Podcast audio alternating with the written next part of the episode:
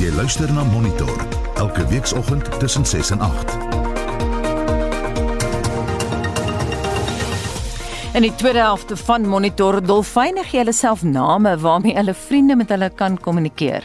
Die haie gaan vir 'n tweede keer die week teen die Britse en Ierse leeu's opdraf en die mees erotiese en gewaagde rolprent van die jare het pas begin draai. Leon van Nierop is op sy pos. Goeiemôre, ek is Anita Visser. Baie welkom by Monitor.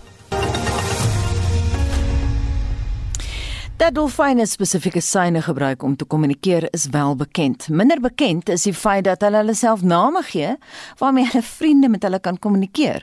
Trouwens, die soogdiere het 'n goeie konsep van spanwerk volgens 'n studie wat pas deur die Universiteit van St Andrews in Skotland gepubliseer is. 'n Gedragsekoloog aan die instelling beskryf die navorsing as baanbrekerswerk. Vir meer daaroor praat ons nou met professor Henk Bouman van Noordwes Universiteit se departement dierkunde wat hierdie verslag van dese week onder oë gehad het. Goeiemôre Henk. Goeiemôre Anita en luisteraars. Hoe gefundeer is hierdie navorsing? Wel die navorsing oor die kommunikasie by dolfyne is al redelik uh, lank aan die gang, dekades al. En hierdie bou voort op ander en as hierdie gepubliseer is in ander en goeie joernale, dan kan ons nogal aanvaar dat dit uh, redelik naby die dit is wat die mense wil sê. Hoe die navorsers uitgevind dat dolfyne name vir hulle self gee in gebruik? Hoe op aarde bepaal mens so iets? Ja, dit is nogal moeilik want dolfyne swem in die water. Dit is nou nie hy's 'n uh, um, plek waar ons normale verkeer met mekaar kommunikeer nie. En ons moet dus aflei van die klanke wat hulle maak, beide die hoorbare klanke en ultrasoniese klanke wat hulle maak wat baie kompleks is. En dit klink baie van die van hierdie goed as jy dit nou met spektrogramme analiseer, lyk dit nogal soos menswoorde. En dit gee ons natuurlik die moontlikheid om onder water ehm um, waarnemings te doen en dan dit te kyk in kombinasie van individue, die liggaamshouding en die konteks en daaruit probeer aflei wat elke klank beteken. Ehm um, dit is nogal moeilik onder water kan jy nie ver sien nie. Mense kan nie ver sien nie, maar dolfyne moet wel met mekaar kan kommunikeer al, alhoewel hulle nie met mekaar kan sien nie. Mhm. Mm Maar en hoe kan wetenskaplikes seker wees dat hulle interpretasie van die klanke korrek is?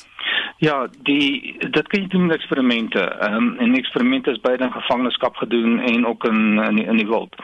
En ek wil baie graag sulke navorsing doen want dan kan jy met dolfyne gaan swem. Die, ding is jy kan die klanke naboots uh, met 'n onderwater luidspreker en dan kyk in konteks uh wat wat gebeur want as hulle nou die name gebruik selfs kan jy aflei dat as hulle, as jy die naam van een fluit dit is fluite hierdie goed klink soos fluite dan sal die ander dolfyne na daai individu wat jy nou dink die naam het uh, sal na daai dolfyn toe gaan uh, dit lyk selfs of die name konstant bly oor dekades want uh, dolfyne en die groter dolfyne word 40 45 jaar oud hmm. en dit lyk of hierdie kommunikasie met ander woorde oordra hierdie um, hierdie hierdie identifikasie fluit of 'n signature whistle soos hulle dit noem. Mhm. Mm ek het nou gevra hoe hoe klink hierdie dolfyn nou maar jy sê dis maar soos 'n gefluit. Ja, dis fluite, maar dit is relatief komplekse fluite as jy kyk aan kyk na die na die spektrogramme daarvan, die frekwensies en die intensiteite op verskillende vlakke.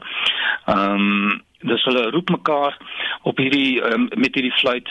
Hulle imiteer hierdie fluite met ander woorde hulle kan oor ons sou sê en dit is moeilik om te sê of dit so is maar ons sou kom be, kom sê dat hulle as jy die fluit as as jy die fluit namaak van 'n ander een se naam dan praat jy oor daai individu uh is uh, mis kan maar sê die persoon.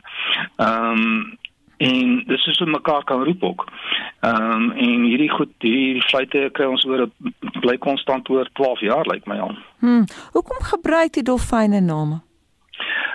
Ehm um, dolfyne is sosiale diere uh, en soos ek genoem het, ehm um, hulle en meestal in tyd as die water is al ver van mekaar af of die water is maar 'n bietjie uh, donker en kan nie sien nie. Nou dolfyne maak geluide 10 keer harder as wat mense kan maak en hulle kan dit ook 10 keer beter hoor. Dus hulle kan oor baie goeie groot afstande kan hulle kommunikeer. Hulle het ook goeie visie. En met ander woorde met jou liggaamshouding kan jy ook kommunikeer en die kombinasie daarvan uh, met die individu want jy kan 'n individu kan jy op grond van verskeie eienskappe kan jy uh, uitmekaar uithaal. Um, hulle het ook smaak en gehoor. Hulle het ook gevoel. Hierdie geluide kan jy voel onder die water. Ja. Uh, ek het al geswem met hulle en dan voel jy hierdie met die geluide deur jou deur jou liggaam gaan. En hierdie kombinasie wat baie kompleks kan wees. Ehm um, gee natuurlik vir hulle die die geleentheid om te kan kommunikeer. Mens kan nou nie help om te wonder of hulle ook soos die mense helaas van mekaar skinder nie. Hoe gebruik hulle hierdie name? Wel, moontlik kan hulle skinder want uh hierdie hierdie individuele fluite ehm uh, gebruik hulle ook 'n kombinasie. Hulle kan dit ehm um, modifiseer deur die naam van 'n ander een of eienskappe van die naam van 'n ander een aan die een te link. Met ander woorde, hulle kan dalk selfs moontlik sosiale verwantskappe op hierdie manier uh ehm um, oordra. Hmm. Maar wat hulle wel gesien het tot dusver, lyk dit nie asof hulle dit gebruik het as aggressie nie en ook nie om te verkil nie. Ehm um, dit is uh, hierdie is 'n manier om uh, die name is 'n manier om addisionele inligting te kan oordra. Ek weet as so intelligent dolfyne is, is daar 'n manier om dit te meet? Dit is nogal moeilik want ons kan nie gewone IQ toets aan hulle uh, toedig nie. Uh dolfyne se brein-liggaams verhouding is die grootste na die mens. Dis uh, daar's 'n redelike klomp brein vir die liggaam beskikbaar. En ons weet reeds dolfyne is baie intelligent en hulle kan baie dinge leer. Hulle kan selfs van ons leer. Ons kan name gee aan voorwerpe byvoorbeeld en hulle sal hierdie name dan uh kan onthou en in konteks daarop reageer. Ehm um, ons het nog nie 'n Rosetta steen nie. Dan hoor ons kan ons nie direk fluit vir woord uh, kommunikeer nie. Ehm um, met mekaar kommunikeer nie. Maar hulle is nogal redelik intelligent. Ons moet net agter die kap van die bou kom. Dink jy ons gaan dit doen? Dink jy ons sal in die toekoms met hulle kon kommunikeer as ons op 'n manier kon leer fluit wat hulle sou kon verstaan? Ehm um, moontlik. Die implikasies is dat ehm um, wel ons weet dat verskillende dolfynspesies met mekaar kan kommunikeer. Dis tussen tussen spesies kommunikasie van reeds plaas. Ehm um, maar of ons direk woord vir woord kan kommunikeer, dit gaan nog 'n rukkie duur. Ek hoop van wel aan die een kant. Ehm um, maar dit gaan nog baie werk kos om dit te kan doen. Ek sit nou glimlag terwyl ek hierdie onderhoud met jou voer en ek is seker luisteraars doen dieselfde. Want mense hou van dolfyne. Maar watter ja. praktiese implikasies het hierdie studie oor dolfyne vir ons as die mens? Ja, daar's baie praktiese en filosofiese implikasies uh hier betrokke. Eerstens, ehm um, ons kan nou individue volg. Uh, soos hulle ouer word, kan ons nou weet wie is wie. En uh, ons kan ook hulle bewegings volg, waar gaan hulle heen en so aan. Ons het byvoorbeeld reeds uitgevind dat mannetjies bly meer by mekaar as dit baie nouer sosiale groepe as as met my met as met wyfies. Ons kan ook gaan kyk na ehm um, wat die invloed van klimaatsverandering op uh, die sosiale gedrag en ook waar hulle gaan. En dan ook die effek van geluidsbesoedeling. Uh want ons geweldig baie lawaai wat die mense onder water maak en hierdie lawaai weet ons al reeds affekteer hierdie diere. Ehm um, en dit kan hulle gedrag beïnvloed. Maar En sodra ons kan begin kommunikeer met hulle op 'n manier, dan gaan ons 'n perspektief kry van 'n ander spesies oor onsself. En uh dit mag dalk nie goeie uh hoe kan ek sê 'n goeie rapport wees vir ons as sulks nie. Uh want nou kry jy van 'n ander rigting van van van 'n diere of ja, van diere wat kan kommunikeer hoe, hoe voel hulle oor jou? Ja, hoe voel hulle oor teenoor mm. die mens? En dit het ons nog nooit gehad nie. Dit moes ons maar altyd self probeer gaan en dan jaag jy jouself in kringe rond en kry politieke partye en sulke goed. Maar nou kan ons kyk oor net ehm um, oor ons eie verantwoordelikheid, ons verantwoordelikheid teenoor ons omgewing, ons verantwoordelikheid teenoor ander en ons verantwoordelikheid teenoor ander spesies. En hierdie studie bou nou voort op ander werk wat al oor dolfyne gedoen is. Skets vir mhm. ons se agtergrond. Die um, geluid onder water trek baie baie verder want water is baie digter en trek nogal vinnig ook.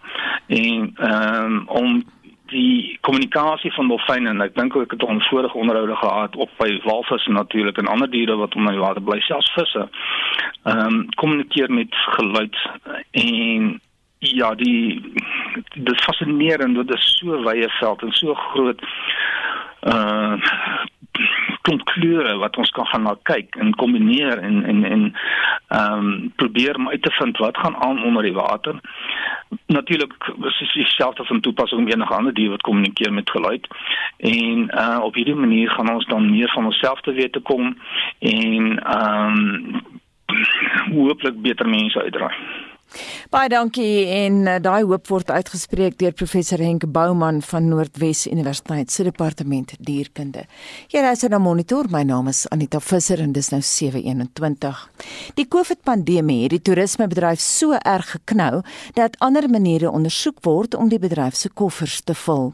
Die Kaapstad se Metro Raad se burgemeesterslid vir ekonomiese sake, James Vos, sê dis hoekom um, hulle fokus op wat beskryf word as digitale digitale nomades. Vos sê mense sweef rond in die kuberwêreld waar hulle enige plek kan werk. Digital nomads have been around for some time, but the pandemic has amplified the model of working remotely from anywhere. By adjusting our focus and our strategies, organizations in a host of industries, from hospitality to retail to accommodation, can boost their bottom lines and the economy by catering specifically to digital nomads from across the country and from across the globe.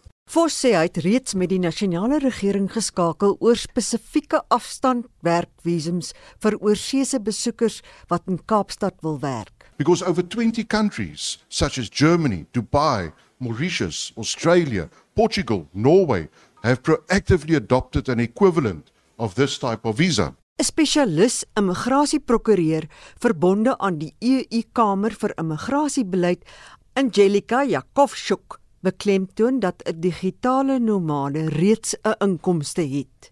The discussion points to the fact that we are still talking about the holiday visa in essence. We're talking about touristic activities.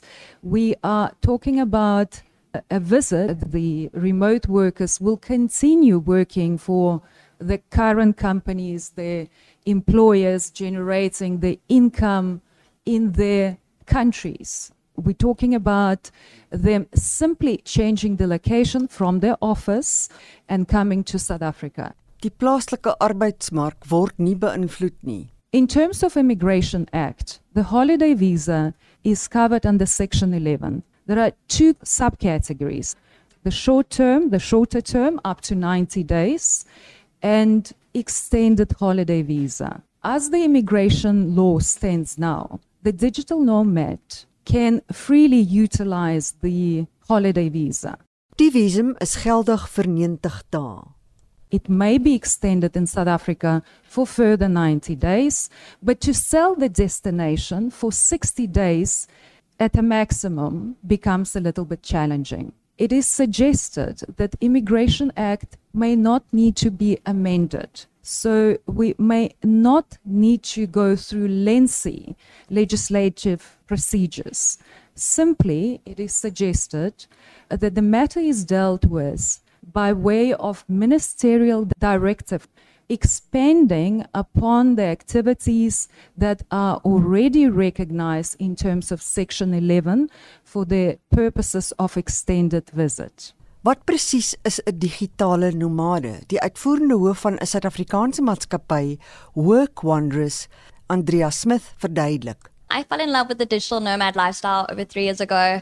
I was a head of marketing for a startup here in Cape Town and I negotiated a remote work contract. So I went and worked overseas for a few months and I fell in love with this lifestyle and wanted to build a company around it and really pioneer the digital nomad scene in Cape Town because we have so much opportunity here for that. Na die COVID-19 pandemie uitgebreek het, moes hulle aanpas daarbey. So to pivot and to still serve the audience we had, we created an online program called the Digital Nomad Accelerator to help aspiring digital nomads quit the 9 to 5 and build online successful careers.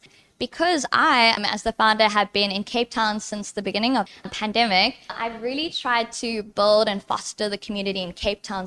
Smith sê sedert Oktober verlede jaar het die digitale nomades na Kaapstad begin stroom. They're all over Cape Town, but I do notice that a lot of them stay long term in the Atlantic seaboard. and the City Bowl, looking for long term monthly rentals. So a lot of them go for Airbnbs, guest houses, small kind of boutique hotels, and sometimes hotels as well. Prime areas being Greenpoint and Sea Point. It's filled with digital nomads and foreigners. But I think there's a lot of cafes and co working spaces around, so it's very convenient, um, as well as the City Bowl, Gardens, and Tempest Kloof area specifically. Blouberg en Meisenberg lok vleerbrander plankryers. Portability is important for them because they are long term travelers. So, if they're traveling for a year at a time, they need to be mindful of their budgets. A lot of the nomads that travel here are coming in from Europe, the UK, the US. So, they do have good disposable income and the exchange rate is in their favor. But they do look for a deal. So, affordability is a big one, and South Africa does fall in line with that. Toegang tot die internet is baie belangrik. We have some really good hotspots like the co-working spaces where you can get 100 megabytes per second, but then some accommodations perhaps only have 10 megabytes per second, and that isn't going to be good enough for a digital nomad. Access to Wi-Fi is important, and then access to amenities. Cape Town has a really good infrastructure. We have good access to medical facilities. We have everything a Western country could have, Kaapstad Toerisme se Lisa Hopkins sê hoewel die soort werkers vir die gasvryheidsbedryf 'n kans kan gee om te kan oorleef, is daar nog baie om oor te leer. Hopkins is van mening dat Kaapstad sy posisie as bestemming vir digitale nomades op die ranglys kan verbeter. Obviously, there are a number of things that we need to get right as a city. We need to get reliable and fast internet access. We need to address our load shedding.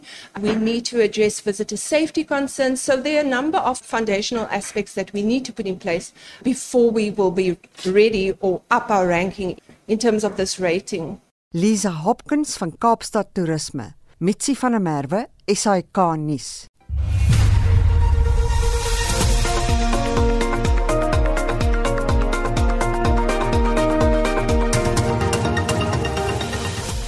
Die hoofnuus, die Pietermaritzburg Hooggeregshof sê vandag oor Jacob Zuma se tronkstraf. Die hele land gaan volgende week bibber en Leon van Nerop het na die mees erotiese en gewaagde rolprent van die jaar gaan loer. Bly by ons. Heinrich Gulaiga terugvoer. Die mense gesels omtrent nog oor of mans dan nou meer kanse vat as vroue soos wat navorsing vir ons wys uh, Anita. Adeline Sluiter sê beslis Iwet Seleer sê dis omdat mans jagters is. Hy moet mos waag en vroue versorgers is. Sy moet mos versorg en troos. En dan Morney sê wat sê ons het natuurlike jagter instink dis nou seker mans. As hy instaan of as hy stil staan dan skiet ons hom. As hy beweeg dan jaag ons hom.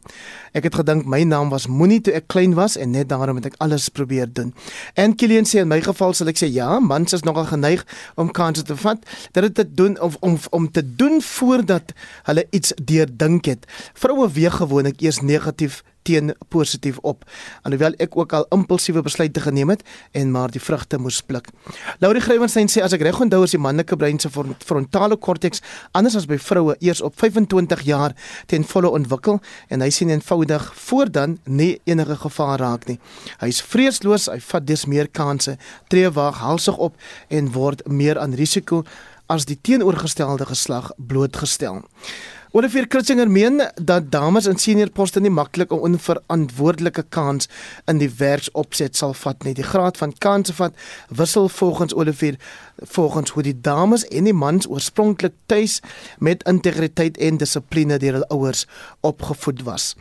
4589 dis die SMS nommer jy stuur vir ons jou terugvoer daar uh teen 150 elk anders kan jy op die Monitor en Spectrum op RSG Facebook bladsy saamgesels. Ons praat nou oor sportsake met Pieter van der Berg. Goeiemôre. Môre sê Anita. Pieter, een van hierdie naweek se groot rugbywedstryde is nou afgelas en 'n ander een word uitgestel. Wat gaan daaraan? Ja, ek dink die rugbybaase probeer werklik om die beste van 'n slegte saak te maak. Onthou voor die week is 'n paar bokke positief getoets vir COVID. Nou hulle het verlede week teen Georgië gespeel op die Loftus Versveld, maklik gewen met 'n 40-9 en die tweede toets moes vanaand gespeel word, maar nou ja, daardie wedstryd is dan gekanselleer as gevolg van COVID. En dan die Britse en die Ierse Leeu's toespan het Woensdag aand met die Sharks afgereken. Nou hulle moes môre teen die Bulls speel, maar hulle speel weer teen die Sharks en die rede is dat die Sharks ingestem het om 'n tweede wedstryd teen hulle te speel omdat die Bulls uh, sukkel ook met uh, COVID gevalle in hulle kamp. Dan in die Karibieke reeks word môre se wedstryd tussen die Haie en die Leeu's wat om 0:30 gespeel sou word gekanselleer en dit is natuurlik weens die Britse en die Ierse Leeu's wat nou teen die Sharks speel.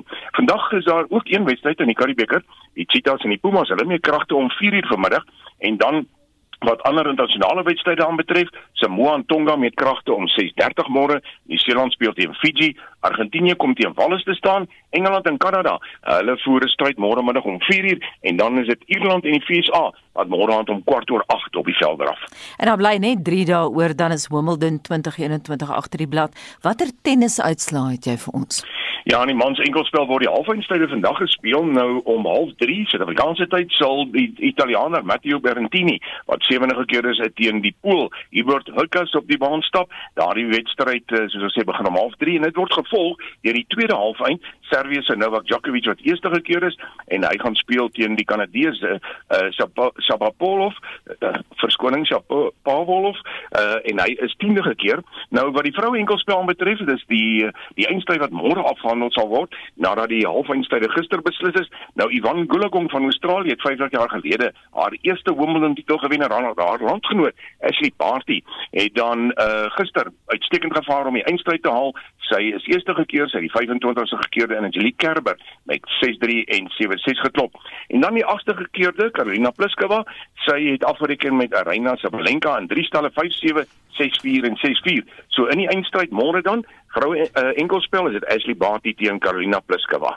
Die Skotse Ope Golf toernooi het gister begin en daar's ook aksie in Amerika. Ja, die Europese reeks se Skotse Ope, daar's ja, 14 Suid-Afrikaners wat gister afgeslaan het. Nou na die eerste ronde is Jack Senior die alleen voorloper op 700 syfer. Justin Thomas en Lee Westwood, hulle is daar op 600 gesamentlik tweede. George Coetzee vierde op 500 Gary Gigo is daar op 300 syfer met Brandon Stone, Zander Lombard, Brandon Grace asook Justin Walters almal op 200. En dan op die Amerikaanse PGA Tour word die John Deere Classic in Illinois gespeel. Sebastian Munoz, hy is die voorloper op 800 saam met Jesslyn Hadley. Sien dan dat Chase Reavie en Camilo Villegas asook Hank Lebodia is almal op 700. Net een Suid-Afrikaner is daar in aksie, Dylan Fratelli, hy is 29ste op 300 syfer. En dan op die LPGA Tour word die sogenaamde Marathon Classic in Ohio gespeel en daar is die Japanees na uitstekende 61 is dit Nasa Utoka wat op 10 onder syfer 4 houe voor uh, Lawrence Stevenson van die VSA's wat op 6 onder is. Suid-Afrikaanse Ashley Bohai en Paulo Reto beide op 2 oor syfer. Sondag sal ons Protea cricketspan weer op die veld wees, maar daar is egter ander internasionale wedstryde wat nou gespeel word. Mm, ja, nie dat Zimbabwe se toets teen Bangladesh word in Harare gespeel nou na dag 2 gister, Bangladesh op 114 vir 1. Dis 'n antwoord op Zimbabwe se 468 en hulle eerste beurt. Dit beteken dat Bangladesh is nog 354 lopies agter op die eerste beurt, maar hulle het nog 9 paaltjies staande. Môre twee internasionale wedstryde. Die Wes-Indiese eilande speel teen Australië, dis in 'n T20 wedstryd en dan Engeland en Pakistan. Hulle met kragte in hulle eerste eendag-wedstryd op Lords in Londen. Daardie wedstryd begin om 12:00 en dan die Proteas, hulle speel Sondag teen Ierland en dit sal hulle eerste eendag-wedstryd wees tussen die twee lande. Week 2 van die 105de Tour de France fietswedren staan nou einde se kant toe. Wat se jongste daar?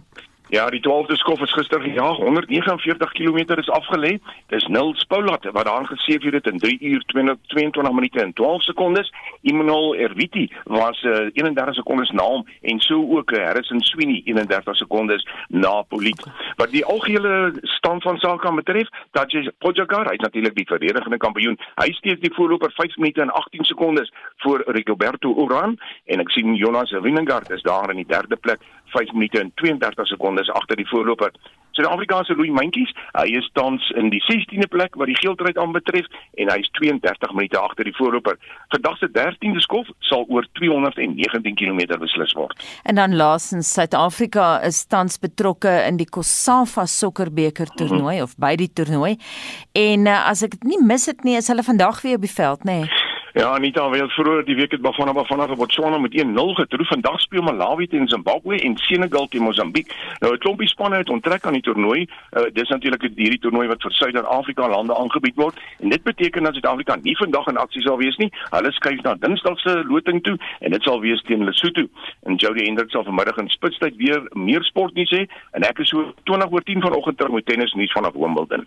Baie dankie, dit was Pieter van der Berg. Nog 'n koue front met gepaard gaan maande reën gaan die Kaap Maandag tref. Nou die koue gaan teen Dinsdag Gauteng toe trek en ons praat nou met 'n uh, voorspeller van die Suid-Afrikaanse Weerdiens Quentin Jacobs. Goeiemôre Quentin. Goeiemôre. 'n Koue front het die Kaap nou uh, gister reeds getuister. 'n Volgende een is die naweek op die pad, bitterkoue vir julle Kaapenaars of nie? Jy's daarom nie een nie.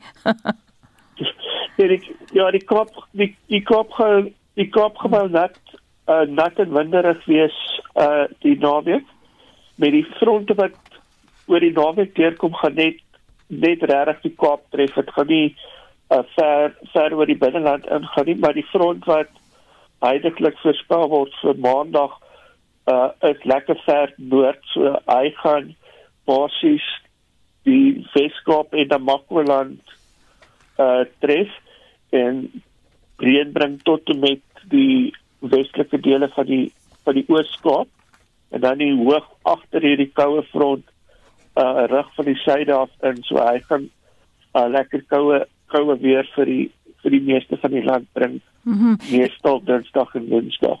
Goed en jy praat nou van reën, gaan ons Gautengers ook reën kry?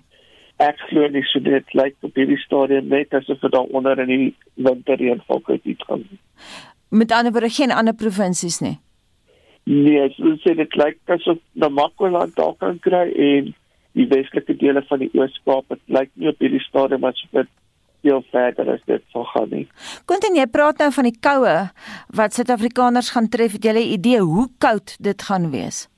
Um wel ek ek uh, vermoed dat plekke soos Sutherland en Buffelsfontein se maksimums gaan uh, onder 10 grade gaan en die minimums gaan heel waarskynlik by die normale plekke onder vriespunt gaan. So ons dit sal seker moontlik wees dat ons daar kan kry wat minus minus 5 of selfs meer as dit uh onder vriespunt kan kan ingaan.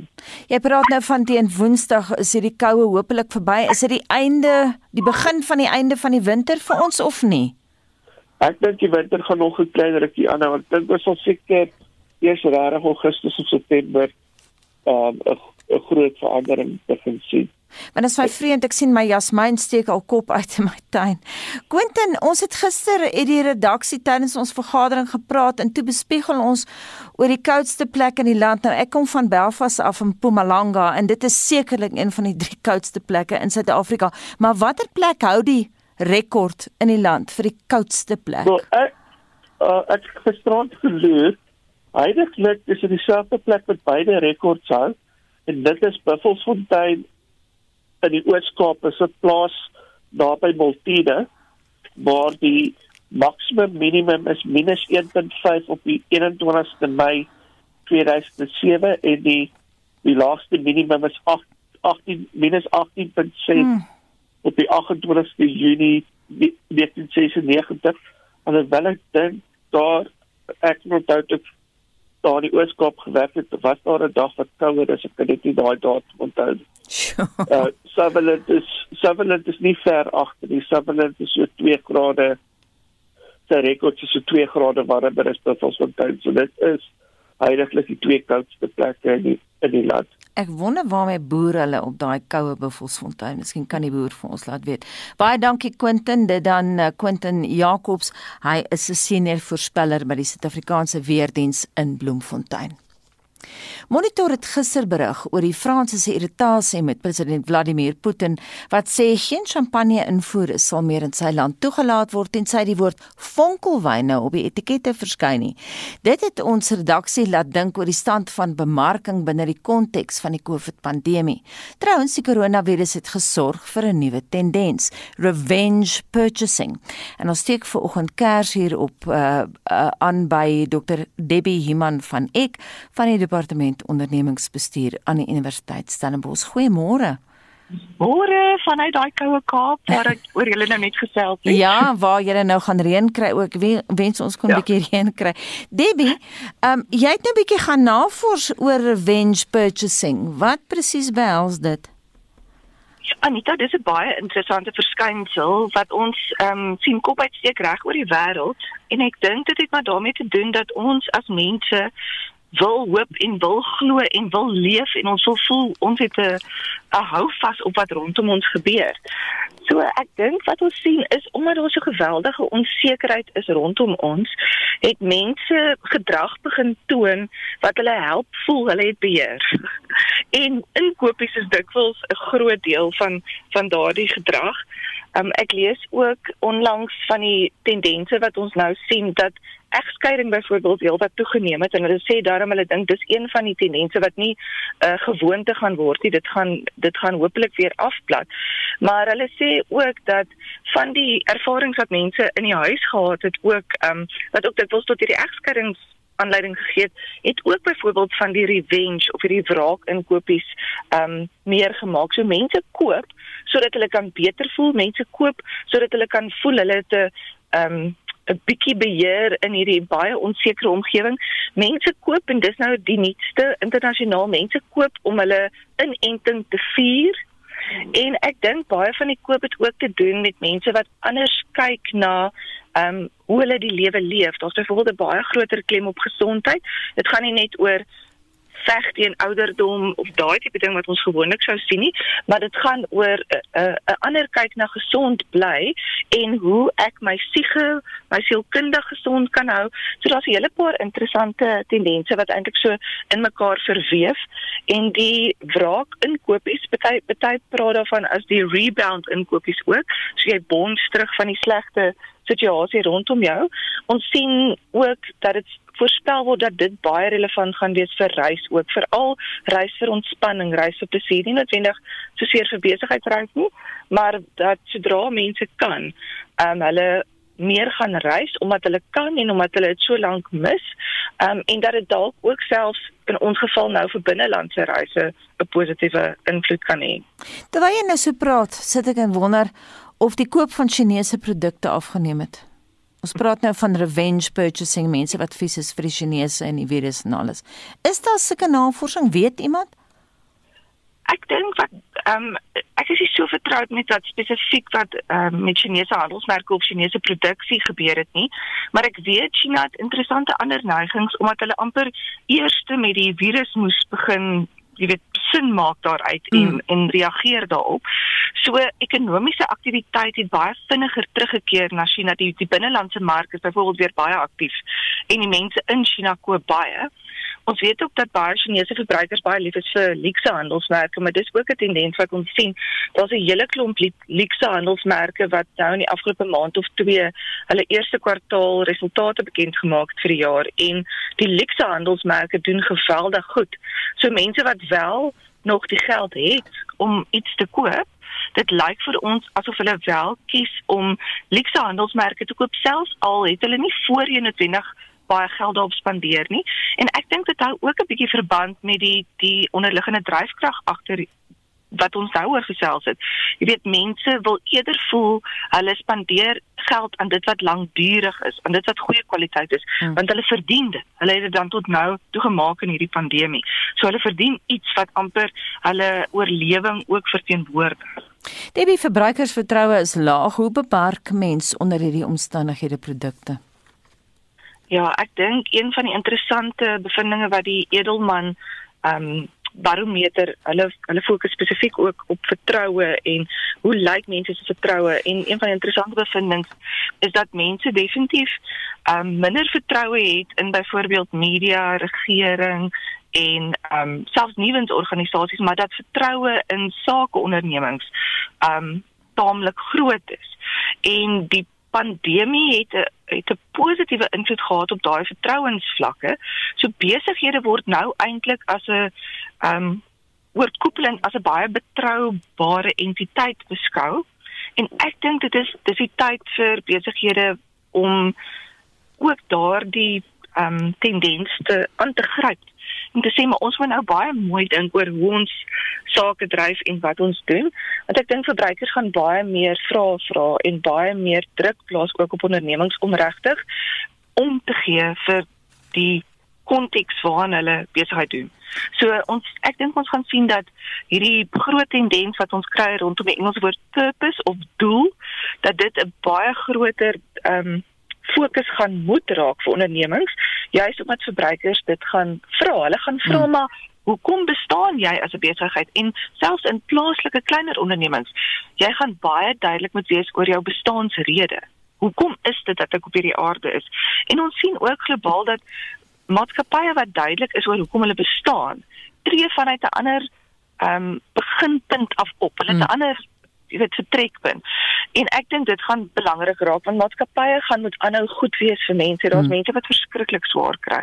Maar, en dit dit is swaar kry wat nie net te doen het met ek kan nou nie 'n luxe handelsmerk koop nie. Dit gaan oor waar kom my kos vandag vandaan? Hmm. En ons het gesien ook in Suid-Afrika dat saakondernemings geweldig baie gedoen het in die pandemie om mense te probeer help, om kos te voorsien, om beter te kan maak, maar ek dink die die tipiese tendense wat ons ook sien um, in tye van resessie of inflasie gaan dalk ook 'n bietjie kop uitsteek. Mense hou van waarde. Hulle hierdie sogenaamde value bundles, hierdie Die jy sal moet klaarmaak my redakteur sê nou my oor ons het nie meer tyd nie. Baie dankie vir daardie onderhoud dit dan Dr Debbie Human van ek van die departement ondernemingsbestuur aan die Universiteit Stellenbosch.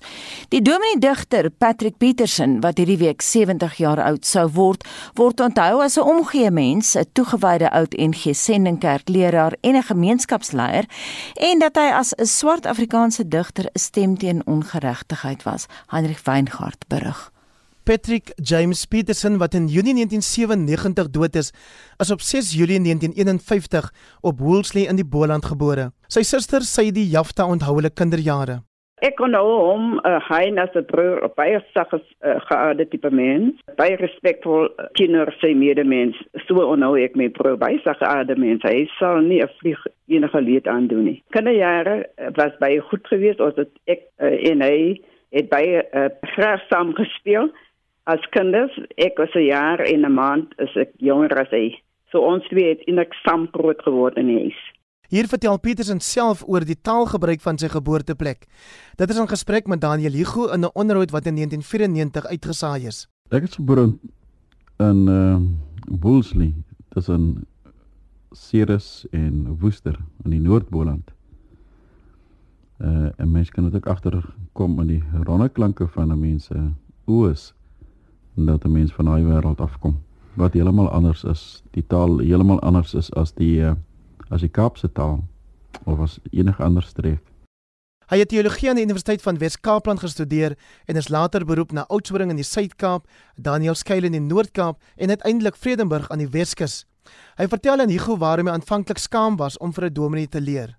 Maar almal het nie geweet ek gaan vir predikant studeer nie. Ek was ook taamlik skaam oor dat ek vir 'n predikant gaan studeer. Enerzijds omdat ek vir 'n ingesene kerk predikant gaan studeer. Maar anderzijds ook omdat die ouens so baie grappe gehad het rondom uh, predikante dat mense al skamerig was om uh, te sê jy gaan vir 'n predikant studeer. Die hoof van geskiedenis by die Nasionale Museum in Bloemfontein, Dr. Hendrik Snyders, was op Vredenburg 'n lidmaat en kerkraadslid toe Petersen die plaaslike leraar was. Ons het 'n passievolle teoloog verloor, maar ons het ook 'n toegewyde gemeenskapsaktivis wat die belange van die armes, van die onderdruktes, van die gemarginaliseerdes ten alle tye met woord en daad bedien het en wat hom sterk daarvoor beywer het om hulle lot te verbeter. Hoewel hy homself by uitstek as 'n prediker beskou het, het Petersen ook as 'n uitnemende orator en digter 'n blywende indruk gelaat. Hy het die uitgewery Prog in 1987 gestig en het 'n aantal versamel en enkelbundels gepubliseer, waaronder Optog, Aankoms uit die skemer, Ver genoeg en Ons kom van ver af. Hy was ook in 1996 die stigtersvoorsitter van die nou vergaande Afrikaanse skrywersvereniging. Die letterkundige Dr. Hein Willemse onthou van die geleenthede waar Petersen as spreker opgetree het. Berade wat ek nou spesifiek kan noem, is die Swart Afrikaanse skrywersberade in die Kaap, die Badbol konferensie in in Duitsland en dan ook die Victoria Waterval skrywersberaad in 1989 toe die Afrikaanse skrywers met uit die uitgeweke toe destyds uitgeweke ANC 'n eh, beraadslag het. Wat onderskeidend is van die laaste geleentheid, die Victoria Waterval beraad, is dat Patrick Petersen die enigste een was wat sy toespraak in Afrikaans gelewer het, volledig in Afrikaans gelewer het. En hy het uitsluitlik gepraat oor die rol van die skrywer en bevryding, die swart Afrikaanse skrywer, soos hy dit genoem het, en bevryding. Sy suster Sadie sê sy was baie beïndruk toe sy Petersen se skryftalent die eerste keer ontdek het. Sy glo dit kom van hul pa wat 'n wydbelese man was. Ek dink my pa was 'n baie diep tipe mens. Hy het hou van lees, van lees. Ek dink ons hy het die talent in daar van my pa gekry. Dit was uiteindelik sy eie ervaring van vaderskap wat Petersen laat begin skryf het, het hy ook aan Hugo vertel. In dieselfde onderhoud het hy die treffende gedig My kind voorgeles. Dis geskryf vir sy dogter Renata uit sy eerste huwelik. Uit sy tweede huwelik is die seun Amos gebore. Die pastorie het beroerte gekry dingetjie. Mm, die matte huil nie meer. Die gang slaak nie meer 'n sig van verligting nie. En jou portrette teen die muur hang eenkant verlam. Die rampie klap nie hande nie. En die foto groet nie meer goeiemôre daddy nie. Vrydagsande bak ek nie meer pizzas nie en die stilte is leweloos sonder verwagting. O die tyd lê stikkend, stikkend, stikkend. 'n Kwaai wind tuister liewer die teddybeer en pop in die huis sonder my kind wat ek soek in vergulde skoentjies vir altyd en altyd en altyd. En nie vind by die speelgoedtafel met vier stoeltjies nie nie nie Dit was die stem van die ontslape dominee digter Patrick James Petersen wat hierdie week op 6 Julie 70 sou word. Ek is Hendrik Weingart vir SAK nuus. Leon van Heerop sit gereed met sy weeklikse fliekrubriek. Leon, goeiemôre. Goeiemôre, liewe Anita. Jy het nou na ouer rolprente gekyk wat luisteraars sal opbeer wat moeg is vir resepmatigheid. Wat is bo aan jou lys? Daar loop kat voor deur die konfetti. Daar is onlangs 'n soortgelyke TV-reeks gemaak. Moet jy die 1994 rolprent Four Weddings and a Funeral daarmee verwar nie. Laasgenoemde is so naby aan die perfekte romantiese komedie as moontlik. Ook omdat daar 'n snapsie tragedie by 'n begrafnis is waar 'n lewe gevier word pleks van net gesnik word. Four Weddings and a Funeral die 1994 weergawe op Showmax gaan oor 'n lomp vrygesel Hugh Grant is briljant wat altyd 'n strooijonker of gas op 'n huwelik is, nooit die bruidegom nie. Hy word vergesel deur sy loskop dollar vriendin met die veerestowwe vir hare en hulle is altyd laat.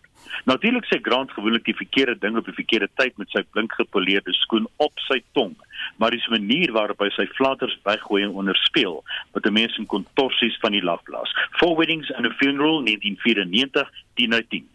Ek moet sê Leon, jy probeer altyd balans gee aan jou resensies. Is daar ook iets met gewig vir mense wat na pitkos soek? Wel Anita, drie episode reeks gegrond op die waarheid. Sophie Murder in West Cork gaan oor 'n robbervervaardiger wat in 1996 in Ierland vermoor is. Later blyk dit wie die moord gepleeg het, maar omdat daar geen uitruilooreenkomste tussen Frankryk waar sy gewoon het en Ierland waar sy vermoor is, is nie, loop die booswig lag lag weg terwyl Sophie se familie treur.